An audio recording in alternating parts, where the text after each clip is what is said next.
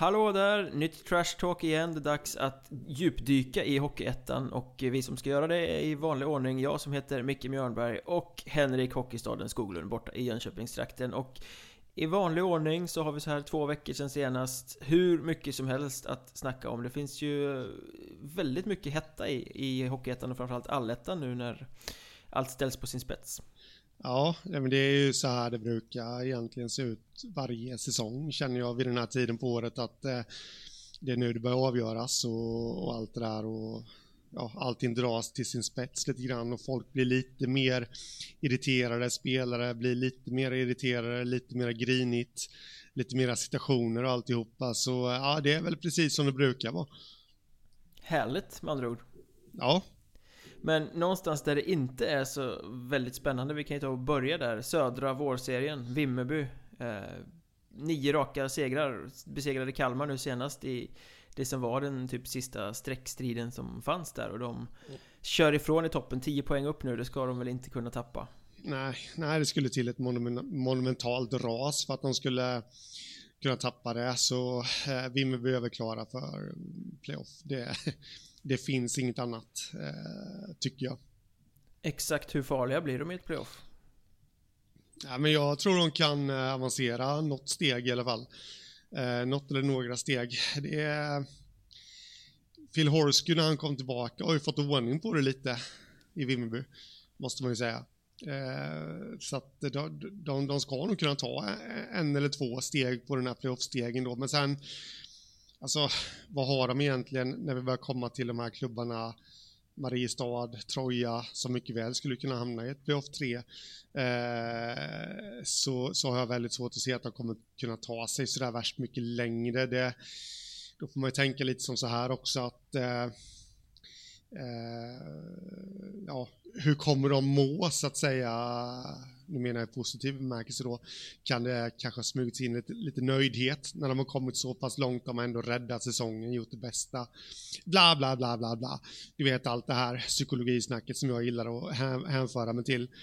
Eh, men, men, absolut att de kan ta några kliv, eh, det tror jag absolut. Men eh, helt inget lag som går till playoff 1 från allettan kommer ju välja Vimmerby. Nej, de... definitivt inte. Dit vill jag komma lite. De kommer ju, oavsett hur bra de står sig i den konkurrensen eller inte, så kommer ju de här första lagen som får välja först att hoppa över dem. Ja. För det, det, finns en, en äh, fara där äh, som motståndare som inte finns hos de andra fortsättningsserielagen. Som kommer ta sig dit, eller kanske bottenlagen i allettan också. Jag ja. tror ju till exempel att man hellre möter ett Vallentuna eller ett Skövde eller ett Grums än ett eh, Vimmerby i playoff ett steg. Ja, ja, ja, absolut, absolut. Men sen tror jag som du också att visst, där kan de skrälla, men sen jag är lite fascinerad och imponerad av den här spetsen som utskällde Morgan Persson har värvat in. Det har de faktiskt gjort riktigt bra när han har hittat den lille, lille finländaren eh, Niklas Salo och eh, Christoph Kontos där, för de har ju kommit in och levererat och varit riktigt bra med. De känns lite som spelare som inte kommer få det utrymmet och som kommer bli bortplockade när det verkligen hettar till. När det står ett Troja Ljungby på andra sidan till exempel. Mm. Ja, men precis. Så där ska han ha jättestor cred, Morgan Persson. Jag, jag tycker ju inte att han direkt har eh, vad ska man säga? Ja, det är klart lite misslyckanden eh, under hösten. Det går inte att komma ifrån. Med, jag tänker bland annat på tränarrekrytering och sånt där. Men, eh, men liksom överlag så tycker jag att han har hämtat sig väldigt väl. Och och styrt upp det så eh, jag tycker nog inte att någon skugga ska falla sådär värst mycket på honom faktiskt. Eh, om man nu ska se det som ett misslyckande att Vimmerby missar allettan. Jag är inte riktigt benägen att hålla med om att det är ett misslyckande ändå med tanke på seriens styrka och allt det där. Och, och alla de tappar och, och, allt det där. Men äh, jag tycker han har gjort det bra faktiskt och en fjäder i hatten att kunna locka tillbaka Horsky också då. Mm. Men apropå misslyckande, hur stort misslyckande är det att Kalmar med största sannolikhet, det är inte helt klart än men det ser ju väldigt tufft ut men att de bommar både allettan och nu också playoff och då alltså gör en sämre säsong eh, troligtvis än vad de gjorde i fjol som nykomling. Ja, vad är det man brukar säga? Sophomore year heter det va? Det svåra andra året. Det svåra andra året. Eh, nej, men naturligtvis ett jättestort misslyckande. Eh, nu har jag inte den statistiken framför mig, men jag ställer mig fortfarande frågan till att de eh, gjorde sig av med Lenny Eriksson eh, där. Och den statistiken jag pratade om, det var ju, jag tror väl att poängsnittet har sjunkit. Jag är närmast övertygad om det sen de gjorde sig av med honom. Och för mig är det en liten gåta varför de gjorde det. Det är inget ont om eh, Andreas Holfeldt, absolut inte, men ja, det kändes som att Lenny Eriksson hade någonting på, på gång där. Jag säger inte att Kalmar hade, hade tagit sig till allettan ändå, men, men liksom att det hade gått lite bättre åtminstone. Som svar på din fråga, jag tycker att det är ett gigantiskt misslyckande faktiskt för Kalmar. Eh, speciellt då med, med, med hänvisning till det här då, det här oförklarliga tränarskiftet. Och de skulle ju spänna musklerna och satsa hårdare. Eh, de ja. hade Nybro på gaffeln i fjol och kunde liksom bygga vidare på massan. Nu har Nybro kört om fullständigt istället och tagit tillbaka fanan där nere i, i länet. Ja. Och jag vet om man tittar på Kalmars lag så de har inte fått ihop något tryggt, stabilt spel över säsongen. Utan det är ju, de har några riktigt bra pjäser men de har ju liksom blandat och gett och inte funkat som lag. Och det har varit lite rörigt med spelare in och ut. Mm. Sådär, så att jag tycker att... Eh, vi har pratat om det förut, att eh, Tobias Johansson försvann där. Eh, och det är ju precis som du har sagt där, att det har påverkat alldeles för mycket. För det finns ingen tydlig riktlinjeplan kring klubben längre. Mm. Som det ser ut nu så skulle de lika gärna kunna falla igenom och bli ännu sämre nästa säsong om de inte lastar på med väldigt mycket pengar och ännu mer tanke i vad fan de bygger för någonting egentligen. Jag vet att jag inte nu får slå mig själv på bröstet sånt där, men jag sa ju, det här är faktiskt fel. Jag sa ju det inför den här säsongen när just Tobias Johansson försvann där att eh, jag tror inte man kommer märka så mycket den här säsongen. De har ändå ett starkt lag på pappret och hej och hå. Där fick jag fel. Eh, det, det, märkte man ju just med tanke på resultaten de har presterat. Men som du säger där, jag, jag tror att eh, det kommer nog inte gå jättebra nästa säsong. Eh, han hade en aura omkring sig där att eh, kunna locka till spelare till klubben och, och leverera, hålla det, det han lovade så att säga och sådana rykten, det sprider sig. Eh, likadant nu som utan att ha någon som helst insyn i Kalmar, men, men, som det känns just nu så känns det lite rörigt och det är självklart att sådana rykten sprider sig också. Så eh, så här spontant, det är ju skitsvårt att säga i januari liksom. Men, men, spontant så känns det som att när vi sitter och tippar till hösten här så kommer vi väl kanske ha Kalmar i något slags ingenmansland. Ungefär. Ja, det blir ju väldigt intressant också att se vad som händer nu eh, om några veckor när vi har transfer deadline. Eh, och hur mycket av Kalmars lag som faktiskt kommer vara kvar i Kalmar efter det. För tittar man på den södra vårserien nu så börjar det ju bli mer och mer klart. Alltså det, Vimmerby kommer ta playoffplatsen Tyringe kommer tvingas kvala och sen så blir det lite kamp där eventuellt att Borås kan ta lite poäng och börja utmana lagen ovanför dem och slippa kvala annars så blir det ju dem. Och jag tittar väl på den där tabellen och tänker att ja, vi ger det två, tre omgångar till så kan Kalmar, Mörrum och HC Dalen kanske sitta i någon form av ingenmansland där. Där, eh, ja, de har ingenting att spela för egentligen. Och till deadline kommer det ju vara ännu mer så. Och det här är ju då tre lag som har ganska mycket intressanta spelare för andra lag. Så det skulle kunna tänka mig det att Kalmar, Mörrum och HC Dalen blir extrema smörgåsbord för alla klubbar som ska spela playoff sen. Mm, absolut. Så här är lite frågan om vilken väg man vill vandra som klubb. Eh, jag är ju utav den eh, åsikten att eh, du vinner i längden på att släppa iväg dina spelare för att eh, återigen nu ryktet sprider sig eh, att eh, du kan komma till den och den klubben och, och, och liksom få chansen i en bättre klubb ifall, ja, ifall det inte går vägen med den klubben man tillhör. Eh, samtidigt Kalmar då som spänner musklerna och, och liksom siktar mot allsvenskan, likadant med Mörrum som också spänt musklerna hur, hur, kommer det påverka deras självbild att eh, släppa iväg spelare till andra klubbar och riskera att bli av med dem till nästa säsong? Uh, för där har, där har du ju en väldigt bra poäng faktiskt för ja. uh, om du ska, både Mörrum och Kalmar ska till Allsvenskan och de har de här på ganska kort tidsperiod också, de uttalade mm. satsningarna. Men ska du lyckas med det så måste du ju bygga ett lag över tid kont med kontinuitet. Ja. Det funkar inte att byta ut mer än halva laget varje säsong. Eh, nej, nej, och lämnar spelare Mörrum till exempel då vid deadline Så kommer ju inte alla tillbaka. Utan då får du hela tiden det här bygga om, bygga om. Och då tror jag inte att man kommer ta sig dit. Nej, nej men precis. Och eh, då, det är ju en lite trovärdighetsfråga då eh, när man ska Om vi nu ponerar att de inte släpper spelare.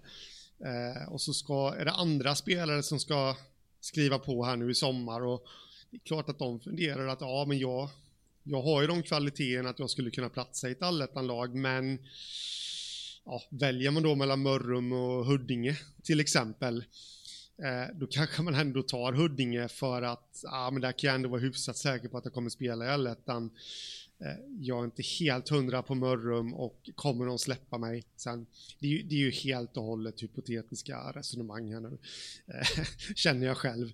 Det blir lite att eh, dra allting till sin spets där, men eh, det är ju så spelarna tänker liksom och jag tror att en sån klubb som Dalen har en fördel med att kunna locka, locka spelare eh, just att där vet spelarna att ja, de släpps vidare.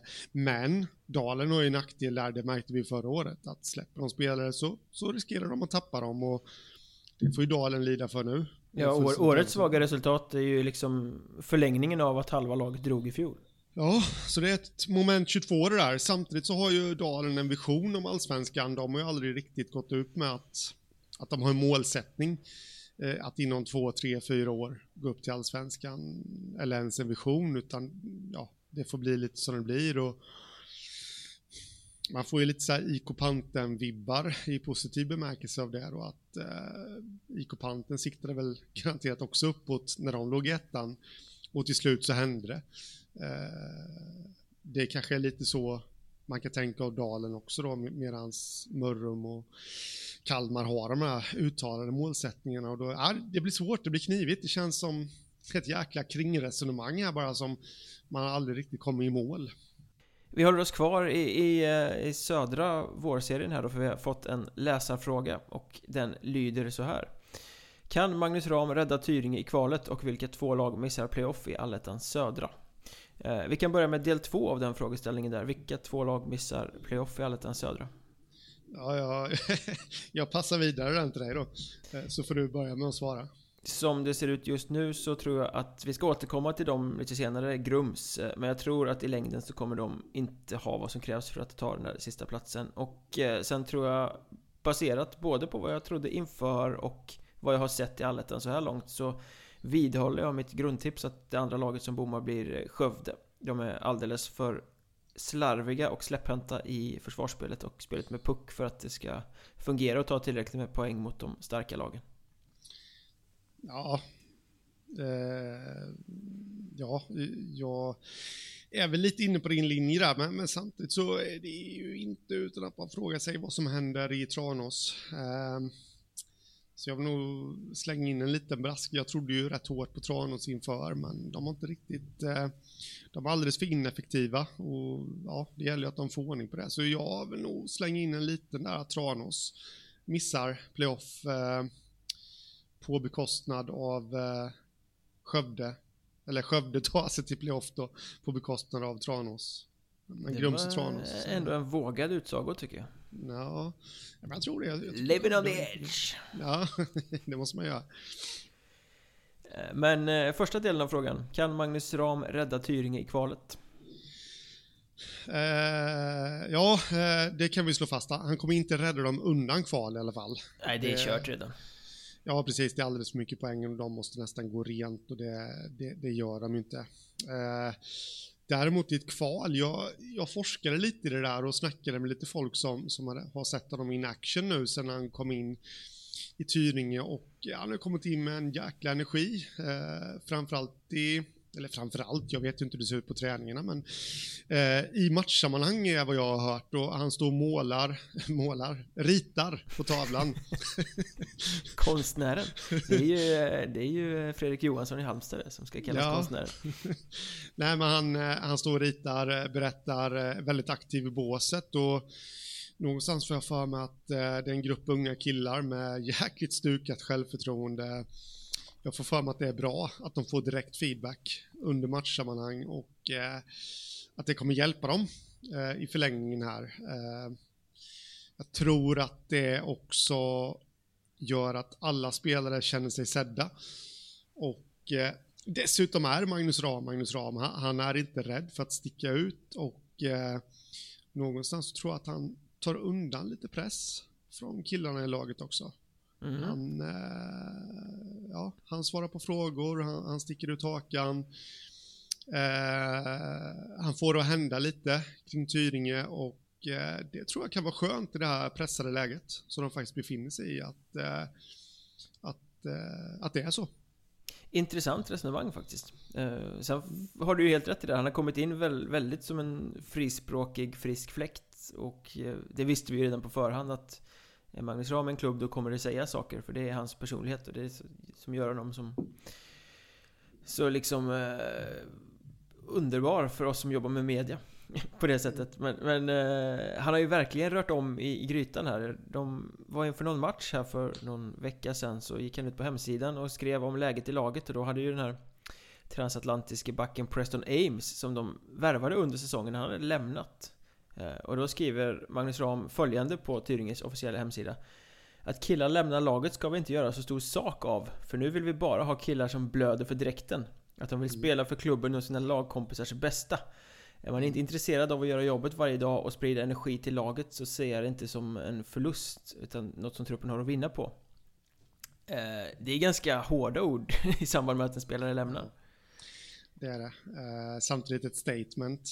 Att jag blir lite fascinerad av det här, eh, liksom den här, eh, för att bli väldigt teatralisk här nu och, och mer eller mindre ge mig ut på någon eh, Romeo och Julia-vandring här, men jag blir så himla fascinerad av den här kärlekshistorien som mellan Magnus Ram och Tyringe. Eh, jag vet inte riktigt vad det är, men, men de mår bra av varandra samtidigt som de inte verkar må bra av varandra. En eh, destruktiv eh, relation alltså? Ja, men lite så. Alltså är det inte eh, fjärde gången? Fjärde ja, sektionen? Han har åkt fram och tillbaka flera ja, gånger i alla fall. Lite så. Jag vet inte riktigt vad det beror på. Det kanske vi inte ska fördjupa oss i heller, men, men någonstans så jag blir alltid överraskad varje gång det står klart att han inte blir kvar i Tyringe. För han är ju den enda tränaren på senare år, ja, vi kan undanta Fredrik Hallberg från det där, för jag tyckte han gjorde ett bra jobb i, eh, i Tyringe också. Men utöver det så är Magnus Ram den enda tränaren på, på senare år, kanske den senaste tioårsperioden, som har lyckats i klubben som mm. tränare. Eh, och eh, därför tror jag att det är helt rätt att han är inne i klubben igen. Eh, och eh, i just det här prekära läget som de befinner sig i så tror jag att det är helt rätt. Och jag kommer inte ens ihåg hur det här resonemanget börjar nu. Ja, det var så... Romeo och Julia och lite ja. lovey-dovey. jo, men eh, din frågeställning där. som jag inte heller kommer ihåg nu. Nej, att, att han kommer in och, och, är väldigt tydlig i sitt... den här spelaren vill vi inte ha för att han sprider inte energi. Bort med det. Lite sådär. Mm. jag får lite känslan det här har jag absolut ingen aning om, men om man tittar på det här snacket, tugget och ställer det mot att eh, sportchefen Filip Stensbjerre har varit ganska ifrågasatt av supportrar och folk runt laget. De tycker inte att han har värvat tillräckligt bra lag, de tycker inte att han har tagit tillräckligt med hjälp, bla bla bla.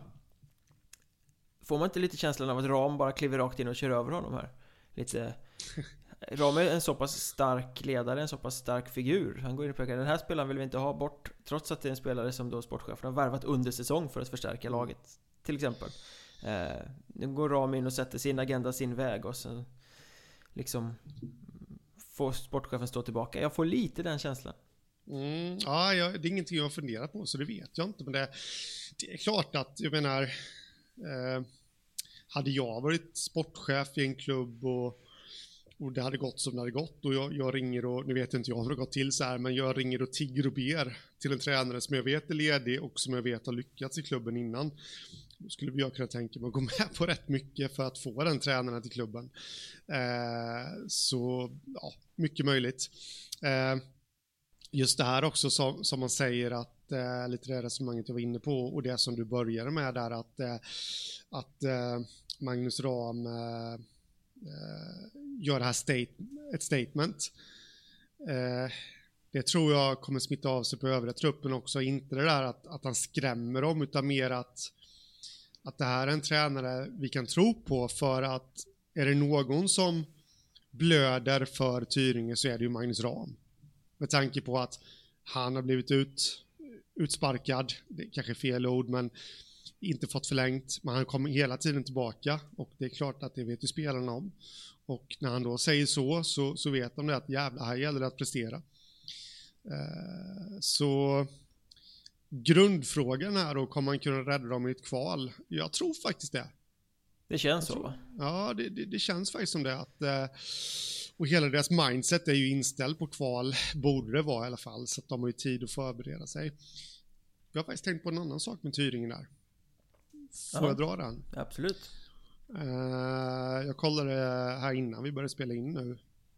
Om man jämför med, med för ett år sedan och fram till nu så har Tyringen tappat 200 personer åskådare per match. Jag blir lite bara... Ja, är, är det en hockeyort då? Ja, det här är faktiskt de har ju varit rövigt jävla dåliga. Jo, eh, men det, det är faktiskt en skrapa till fansen. Eh, liksom, jag kan förstå det och alltihopa det där, men jag blir generellt, det gäller inte bara Tyringe nu, men liksom, jag blir så trött på på det här med att åh, vi lever och vi, vi blöder för vårt lag och sen så fort det går dåligt så ska det kastas skit på sociala medier och, och så går inte folk på matcherna. Det, är ju liksom, det var ju samma sak med Södertälje här i början på säsongen. Eh, tappade jättemycket publik. Vad, vad är det liksom? Ska man verkligen tro på att de har en sån stabil fanskara då? Ja. Medgångssupportrar är ni ja, allihopa. Li, lite så. Det, jag blir så, nu börjar jag få den här orden i pannan som bankar här. det, det kastas skit om att det är plastklubbar till höger och vänster, men eh, det är ju likadant överallt i medgångssupportrar. Ja, det blir en det, sån ramsa liksom. Medgångssupportrar är ni ja, allihopa. Ja, ja, men lite så är det ju. Och eh, återigen, det, det här kanske inte var ett just för Tyringen, men, jag reagerade faktiskt på att de har tappat så pass mycket publik Eh, inte så konstigt som du säger där. Eh, det har gått åt skogen, men, men, är det någon gång de behöver sina fans så är det ju nu. Så jag hoppas att de kommer tillbaka. Och nu är det lite action på bänken också. I och med Magnus Rams intåg, så att... Eh, eh ja, ja, hoppas de kommer tillbaka. Och då kan vi ju göra kopplingen medgångssupportrar och flytta till västra vårserien och Nyköping också, för där är det ju samma sak. Där var det ju mer publik på matcherna när de var längre ner i seriesystemet och vann än vad det är nu när de är i Hockeyettan och inte vinner. Ehm, men frågeställningen där som vi måste fundera lite på är ju varför lämnar alla Nyköping? Ehm, för att nu i veckan så var det ju Andreas Mayer, kanske den bästa forwarden de har, som tappade motivationen för att spela i Nyköping, lämnade och vill spela vidare någon annanstans. Ehm, och tittar man längs med säsongen så är det ju liksom, bara för att dra några så har vi ju Jakob Tenemyr, Kalle Krantz, Marcus Magnusson, Gelito Garcia, Henrik Olsén, Viktor Jörnevik och så Andreas Mayer nu då. Många väldigt skickliga spelare som bara lämnat under säsongens gång. Mm, varför, vill, varför upp... vill ingen spela där liksom? Nej, när du räknar upp alla dem så tänkte jag faktiskt att andas nu Mikael. Det var väldigt många namn. Uh, ja, varför vill ingen spela i Nyköping? Det, jag har inget svar på den frågan. Eh, spontant och det, detta är en ren gissning nu, eh, är det så att, att eh, det som har lovats på förhand inte har, eh, inte har tillgodosetts? Sådana rykten finns ju. Ja, jo men precis. Det är väl ungefär min spontana gissning, men märk väl då att det är en gissning. Jag tror vi har en intressant eh, brytpunkt här också för att eh, Fredrik Mellberg var ju omdiskuterad och omtvistad när han eh, var tränare innan han fick sparken. Eh, när han fick sparken så var det flera spelare, vet jag, som tyckte det var behagligt för att eh, de gillade inte att vara under honom, de tyckte inte att det var deras grej. Å andra sidan så hade han ju tagit dit ganska många spelare som hade kommit dit för att de gillar hans grej. Eh, jag skulle kunna tänka mig att Andreas Mayer är en sån Eh, eftersom han liksom spelade under Mellberg i fjol med Huddinge och allting sådär så att eh, Här har vi ju då först en tränare som spel, vissa spelare inte gillar att vara under och så försvinner han och då är det andra spelare som kanske inte är så nöjda med det nya som blir efter. Eh, Inte så lyckat om, om den teorin stämmer. Nej, Nej men så är det ju. Det här är ju det är något som börjar bli vanligare och vanligare. Eh, alltså, ja, vad ska vi säga, de 15-20 senaste åren. Att, upplever jag i alla fall, kanske till och med de 10 senaste åren, att spelarna får mera makt på något sätt. Väldigt mycket mer makt. Ja, förr i tiden så var det så att skrev du på ett kontrakt med en klubb så då var du ju fast där. Eh, oavsett vad som hände med tränaren eller sådär. Och så funkar det inte riktigt. Och, och dessutom då kanske i, i Hockeyettan där klubbarna har ännu mindre att sätta emot. Eh, ah, jag vet inte riktigt. Jag, jag tycker att spelarna ska vara delaktiga men jag vet inte riktigt om jag gillar den här utvecklingen heller. Eh,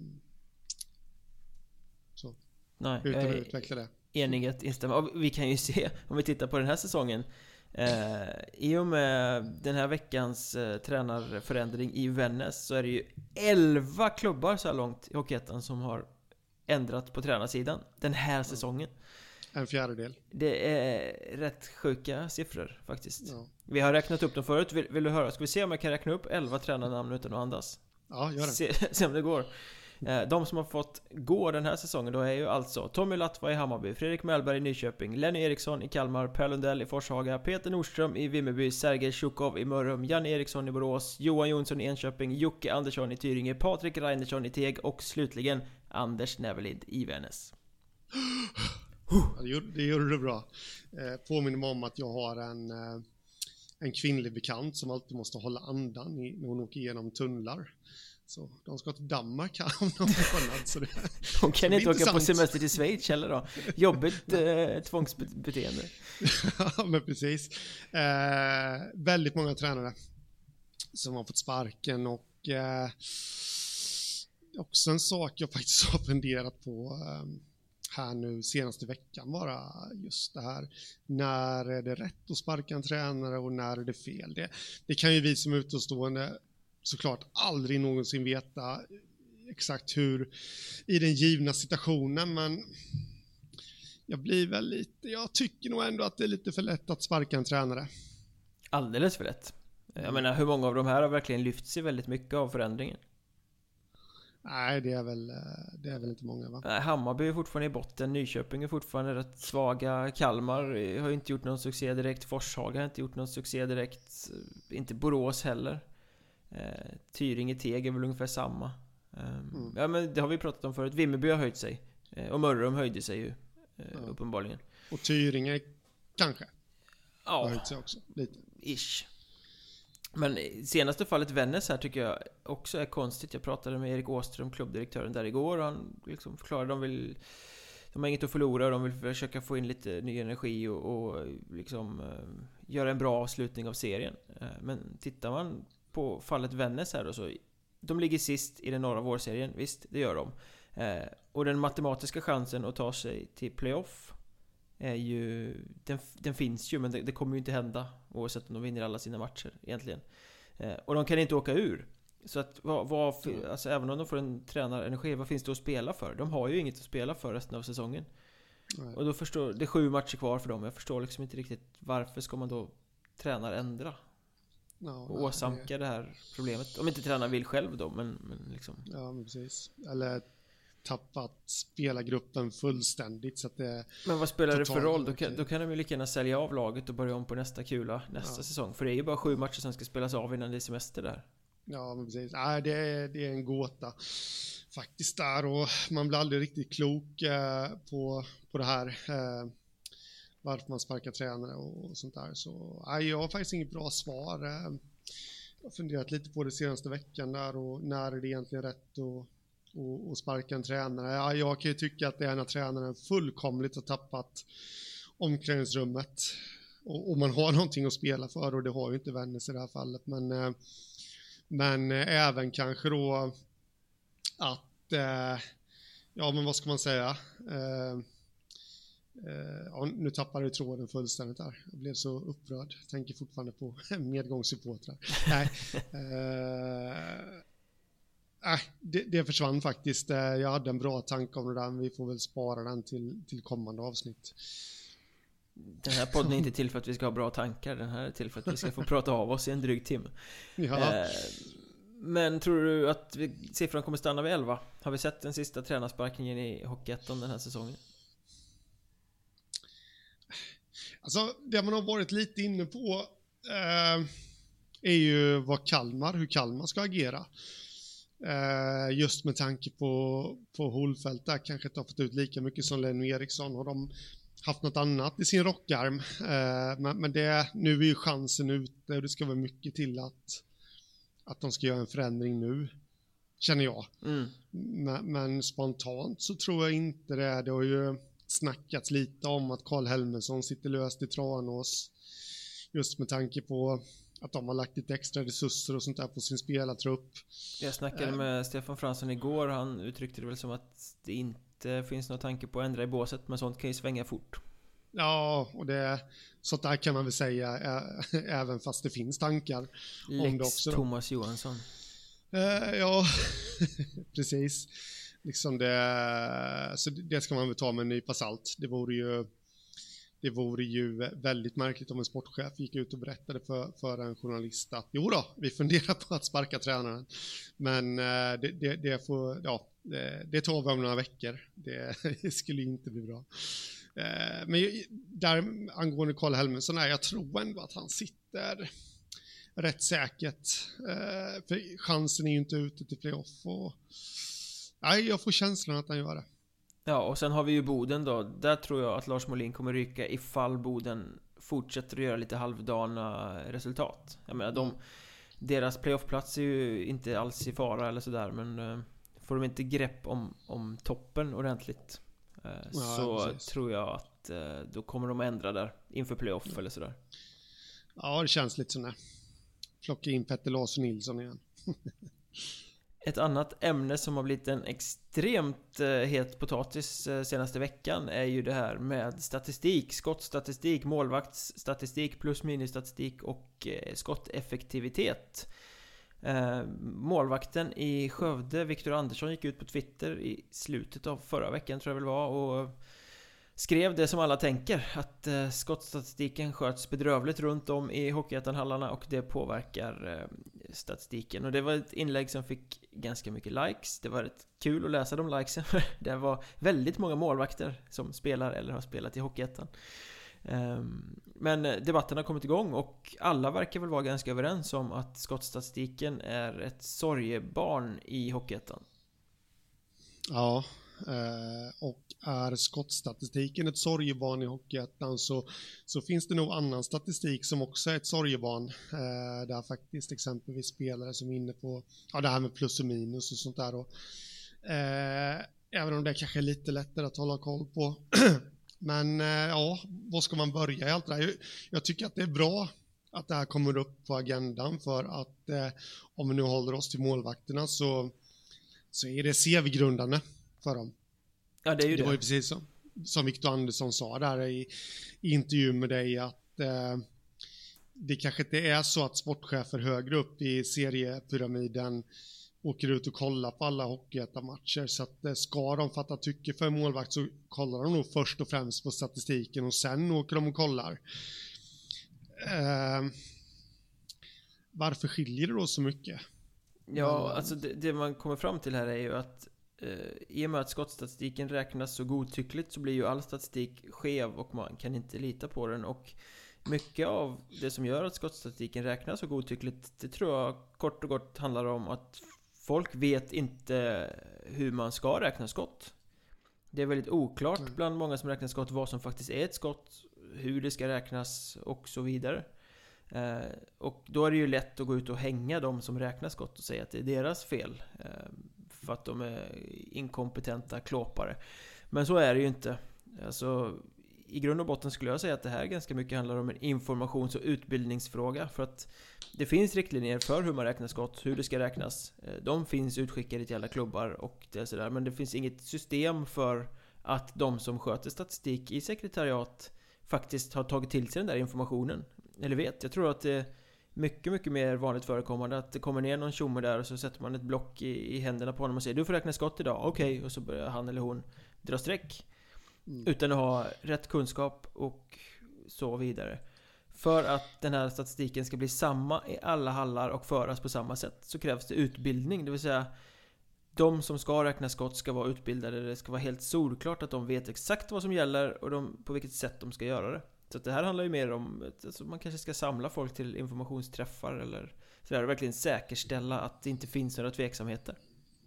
Jag vet att det finns, eh, nu vet inte jag om detta är ett krav ifrån förbundet eller sådär, men och jag vet inte om alla klubbar gör det, men jag vet att det finns vissa klubbar som inför säsongerna kör någon sån här sekretariatsutbildning då, där sånt här gås igenom, men, men vad jag har hört så, så är det inte alla som dyker upp på det, eh, de här sammankomsterna och eh, då är det lite svårt för klubbarna också. Man kan ju inte tvinga ideella krafter eh, till att närvara, men, men, samtidigt så behövs de ju att utföra de här uppgifterna, så det är lite moment 22 där. Eh, det handlar väl egentligen lite om det personliga ansvaret där och kanske. Jag tycker att det är bra att den här frågan lyfts för att och just att, att det är så CV-grundande för eh, framförallt en målvakt då. Eh, för det kanske får en och annan att tänka till att aha, eh, jag vet ju faktiskt inte hur man räknar skott. Jag borde nog ta reda på det. Och så gå och fråga någon högre upp i klubben då. Kan du hjälpa mig med detta? För att det, det är ju sjukt viktigt och framförallt målvakt, målvaktssidan som är så konkurrensutsatt eh, som det är. Eh, så det tror jag. Och som du säger, man ska inte hänga dem som räknar skotten utan det är väl en utbildningsfråga från klubbarna, men, men kanske lite då att man säkerställer också att de som sätts i sekretariatet har tagit till sig den här informationen och då får jag vända på det igen. Eh, har man så mycket val när man nyttjar ideella krafter? Nej men då fastnar man ju i den här eh, diskussionen och förklaringsmodellen som vi alldeles för ofta gör i Sverige och som jag avskyr, det vill säga det här görs ideellt så man kan inte ställa så stora krav. Eh, nej men han gör det ideellt, han får inte betalt. Så att det gör ingenting om det diffar 10 skott i den här matchen. Liksom. Alltså jag tycker inte att man kan gömma sig bakom det. Antingen gör man något ideellt eller betalt, det skiter jag i. Men gör man någonting, då gör man det ordentligt. Och gör man det inte ordentligt, då ska man inte göra det alls. Det vill säga, då tycker jag så här att om man inte kan säkerställa att det finns folk, oavsett om de är ideella eller inte, som kan sköta den här uppgiften, då ska man inte ha den statistiken. För statistik som inte räknas på rätt sätt eller sköts rätt, den är totalt meningslös. Då kan man lika gärna skita i att ha den överhuvudtaget. För det är ju bara siffror på ett papper som inte betyder någonting. Det är rätt läskigt det där faktiskt. Eh, jag vet, jag sa det till dig innan vi började spela in här nu och, och, och jag kan ta det till alla er som lyssnar här också då att eh, när man knappas in på Elite Prospects, som man alltid gör varje dag i stort sett, och kollar lite statistik och sånt där, så man litar ju på något sätt blint på den. Man är ju lite korkad på det här sättet att, att, man, att man tar det som en sanning. Eh, men, men, när man tänker på det i flera led så det sitter människor och, och sköter den här statistiken och den behöver inte stämma. Det är det som är lite läskigt liksom att, eh, och då tänker jag framförallt på målvakter då. Uh, ja, lite läskig tanke faktiskt och jag har fått till mig, det här är några år sedan nu, att det här funkar ju inte helt klockrent i SHL heller. Uh, just det här med att statistiken blir korrekt och sånt där och uh, där har de ju ännu mera statistik att ta hänsyn till. Och det är också, om jag har förstått det rätt, ideella krafter som sköter detta då. Och där ska man ju ha vilka skott har i vilken skottsektor och alltihopa. Det är ännu mer att tänka på. Och eh, vad jag har förstått det som så är det inte alla klubbar som hanterar detta fullt ut utan de måste ta hjälp av andra klubbar. Så, som kanske kommer ner och håller i någon utbildning eller till och med hjälper till i sekretariatet då så att eh, det är en jäkla djungel det där och det, det får en att eh, ifrågasätta lite att ja, stämmer statistiken egentligen? Nu, nu menar jag inte stämmer den till millimeterrättvisa men Nej det går ju aldrig att uppnå. Nej, men, men liksom diffar den mycket till och med på SHL-nivå. Det är en sån här mindfuck helt enkelt. som, som man inte riktigt blir klok på. Ja. Jag som älskar statistik också. Ja, men det är som eh, istidsstatistiken i Hockeyallsvenskan säger de ju också är ett sorgebarn. Det går absolut inte att lita på den.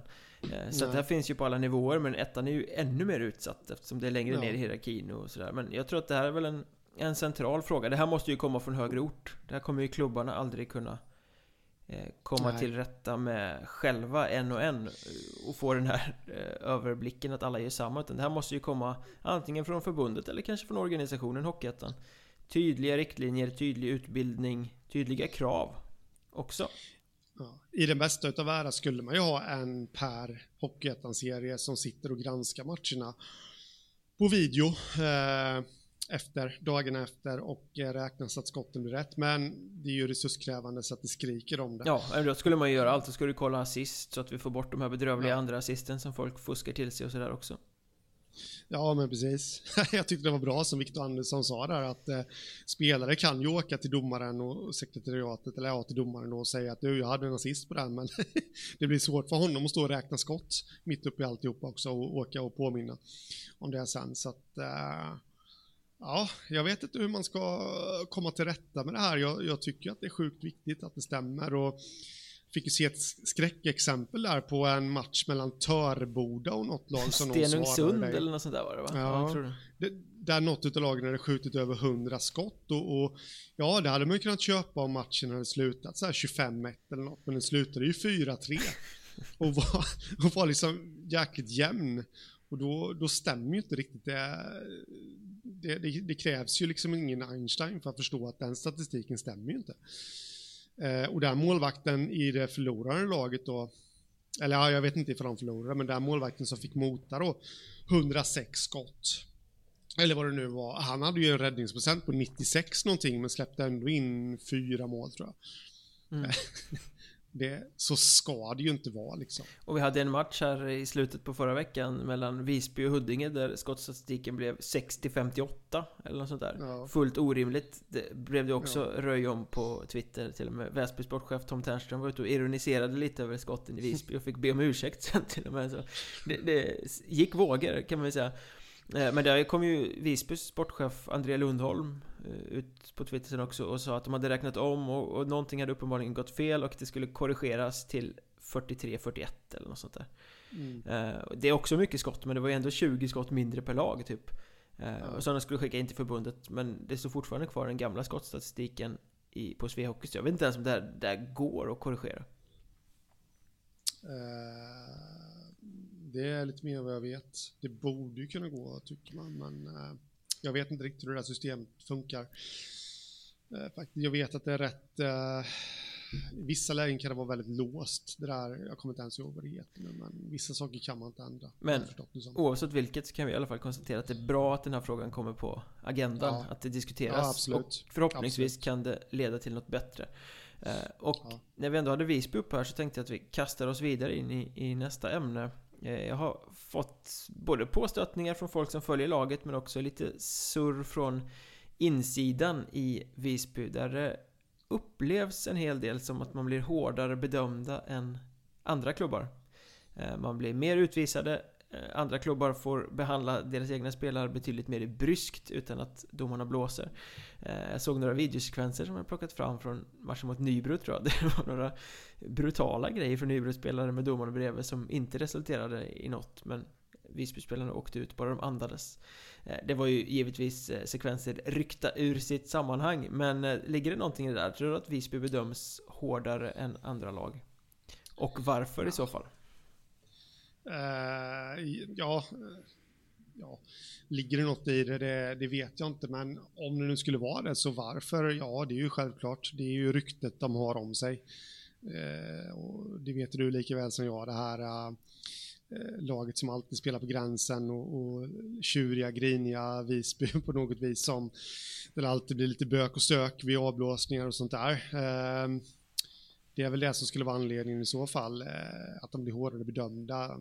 Ja, nej, det, det, vet jag inte. Det, det, har jag inte ens underlag för att eh, uttala mig om, känner jag, men eh, men jag, jag, tror väl ändå att det diffar rätt mycket på, det har vi varit inne på innan, att det diffar väldigt mycket på domarnivåer i, i Hockeyettan, sett från domare till domare och det är väl självklart att det skulle mycket väl kunna vara så, att de blir hårdare bedömda. Tittar man på den berömda statistiken just nu så har ju Visby överlägset flest två minuter i eh, den södra allettan. De har 49 stycken ja. så här långt och närmsta lag efter är Skövde som har 40.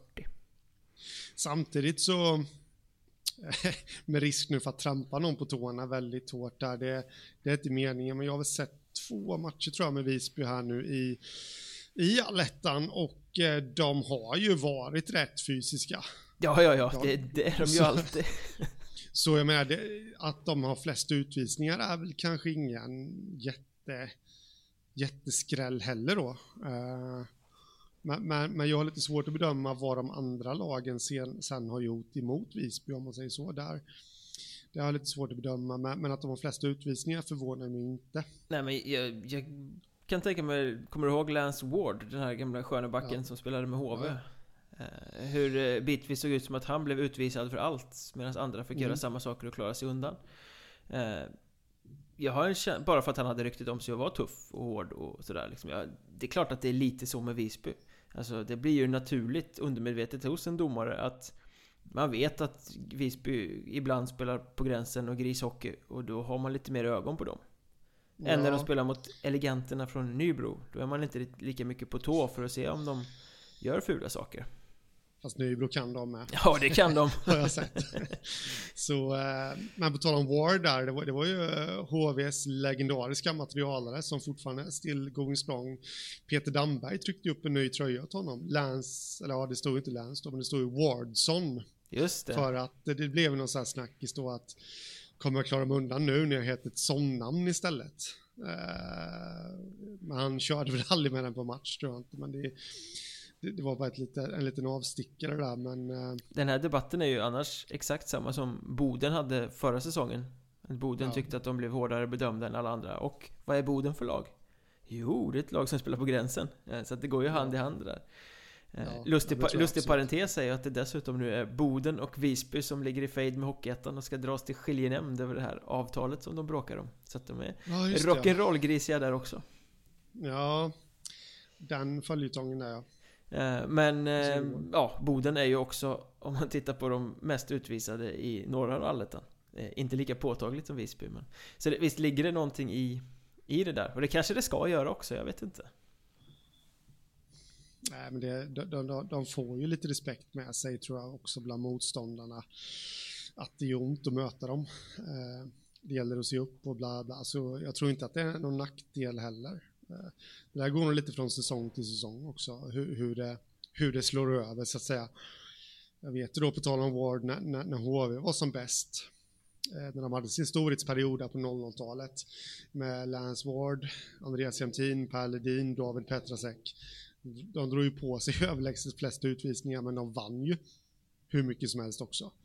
Och det tror jag var för att eh, dels var de skickliga men sen så hade ju motståndarna en enorm respekt för dem också. Mm. Det gjorde ont att möta HV och ofta kanske motståndarna la väldigt mycket fokus på andra saker också. Ja, och det kan man ju säga i fallet Visby att de spelar ju ett bra boxplay så än så länge har de ju inte straffats av det. Nej. Men Visby, de spelar i Söderserien, Södra Allettan. Vi måste ju kika lite på läget även om det är matcher hela tiden så att det snabbt blir eh, lite gammalt. Men, men eh, vi nämnde dem i början. Grums eh, jäkla succé. Poäng fyra matcher i rad mot tre, eller fyra lag då som eh, förväntas vara i toppen eller ligger i toppen av Södra Allettan. En pinne mot Troja, tre pinnar mot Mariestad, en pinne mot Nybro, tre pinnar mot Kriff. Det är sjukt imponerande av det lilla laget.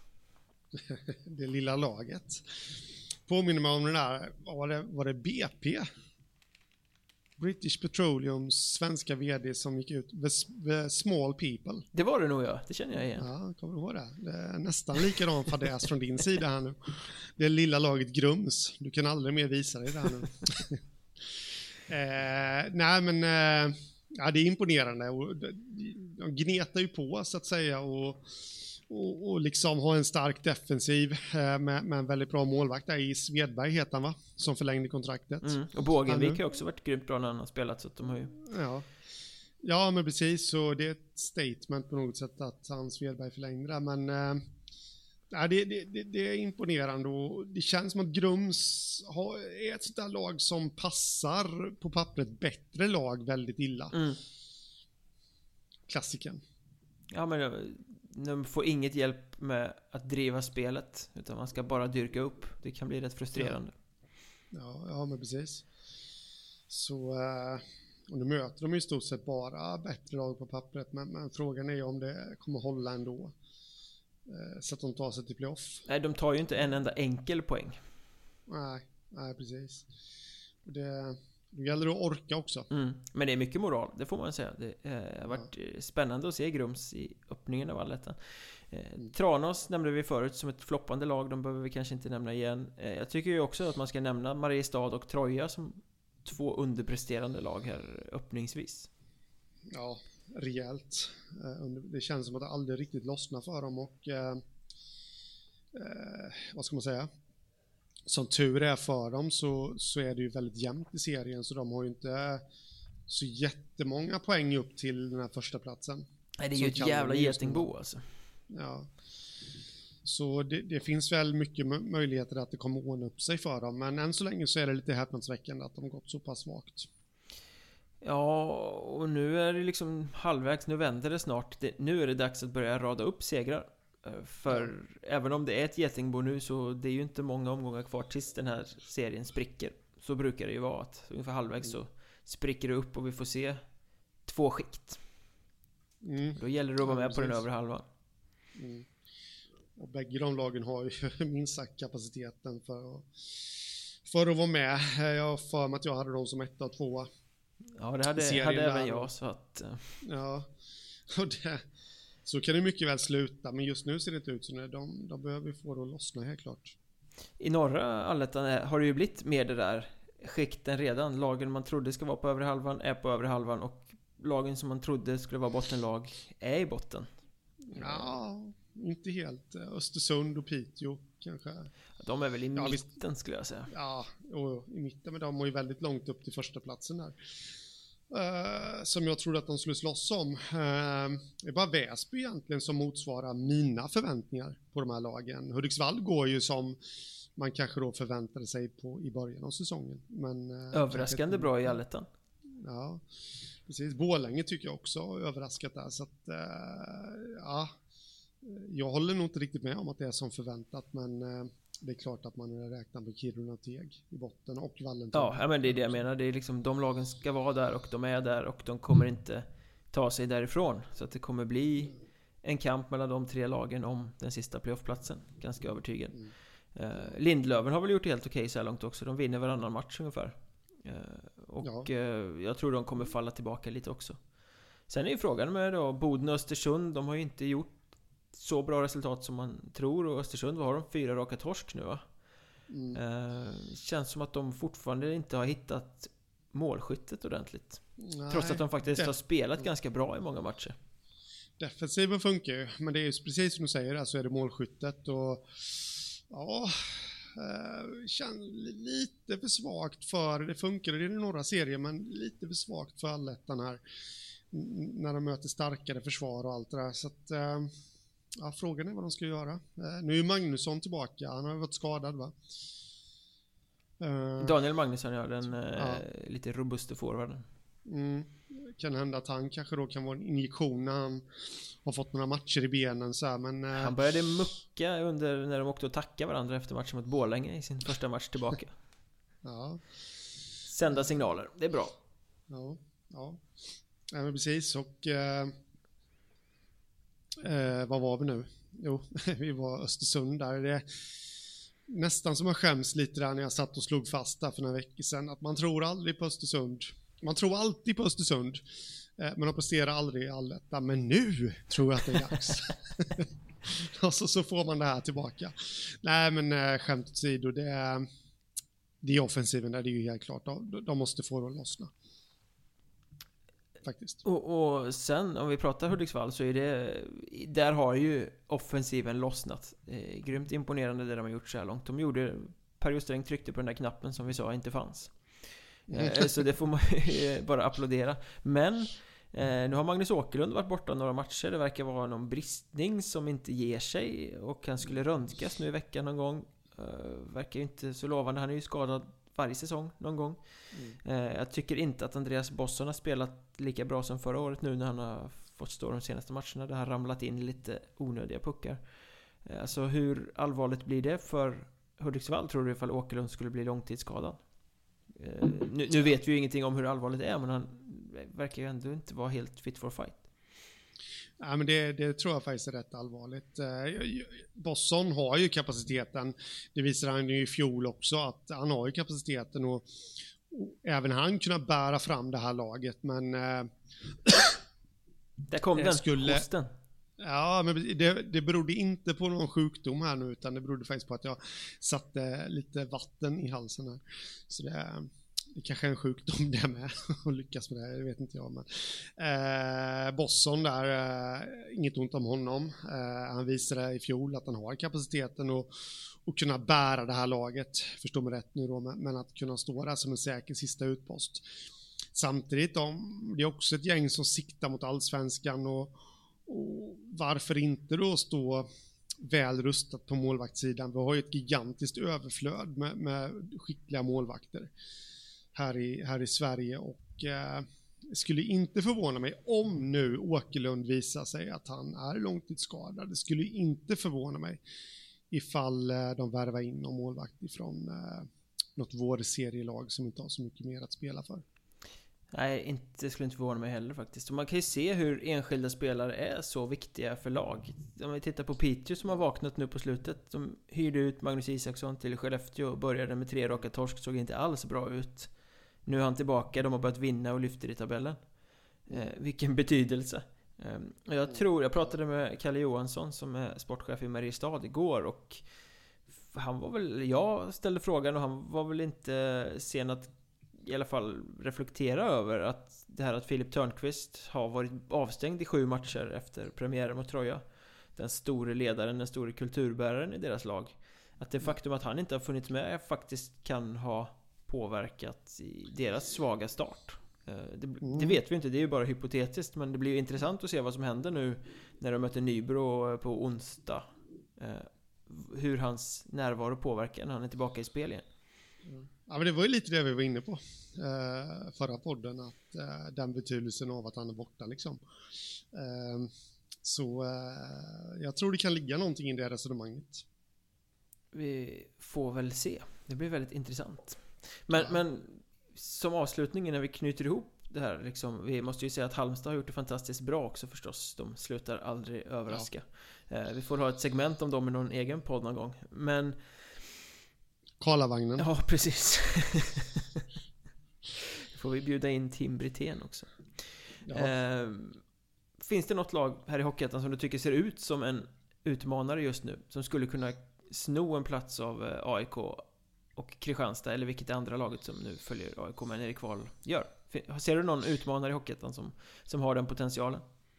Uh, jag skulle addera, vilja addera en liten frågeställning till detta. Uh, det finns inte en chans i världen att AIK kommer klara av ett kval. För mig är de redan ute ur allsvenskan. Okay. Eh, så svaret på nummer två, där, eller på din fråga där. Nej, jag ser inte riktigt vilket lag eh, som, som kommer knipa deras plats. Eh, det gör jag faktiskt inte. Nej, jag, jag, håller med om det där. För att alla år så brukar det vara något topplag som liksom tar taktpinnen, visar muskler, vinner matcher även när de inte är bra, har den här tryggheten stabila. Det har varit Pelles Maskin i Ljungby och det har varit eh, massa andra lag som har gjort den här resan. Björklöven gjorde det, Karlskrona gjorde det, Vita Hästen gjorde det. De liksom hade Västerås också till viss del, även om det kom sent. Deras formutveckling. Men i år Nej, det, är ju inget lag som än så länge har visat att wow, vi är att räkna med i en kvalserie. Det kanske kommer under andra halvan av allettan nu, men jag väntar fortfarande på vilka som faktiskt ska brösta upp sig ordentligt. Mm, ja, men precis. Men eh, det är väl kanske lite lyckan då för någon klubb här i ettan att AIK är så pass svaga som de är i år. Eh, Kristianstad tror jag, om det nu blir de som, som åker ner till kval tillsammans med AIK, så tror jag ändå att de, att de är starkare eh, än vilket Hockeyettan-lag som helst just nu. Men, eh, men eh, AIK kommer inte rå på. Jag kan säga redan nu att när jag tippar kvalserien till Hockeyallsvenskan så kommer jag tippa AIK sist. Så du vet ni det. Men, men eh, så, så något nytt lag kommer det bli, men, men det är sjukt svårt att kunna peka ut vilket lag det är. Eventuellt kan vi göra det nästa gång när vi kommer tillbaka om två veckor. Då kommer Allettan-serierna ha satt sig betydligt mer och vi kommer nog ha en liten riktning vart det hela kommer ta vägen. Eh, tills dess så följer ni oss i sociala medier. Att Mjornberg heter jag, att Hockstaden heter Henrik, att Mjornbergpodd heter poddens konto på Twitter då givetvis. Facebook, Instagram, Mjölnbergs Trash Talk söker ni så hittar ni det där och recensera oss i poddapparna, prenumerera på oss i poddapparna, lyssna på oss i poddapparna, då blir vi väldigt glada.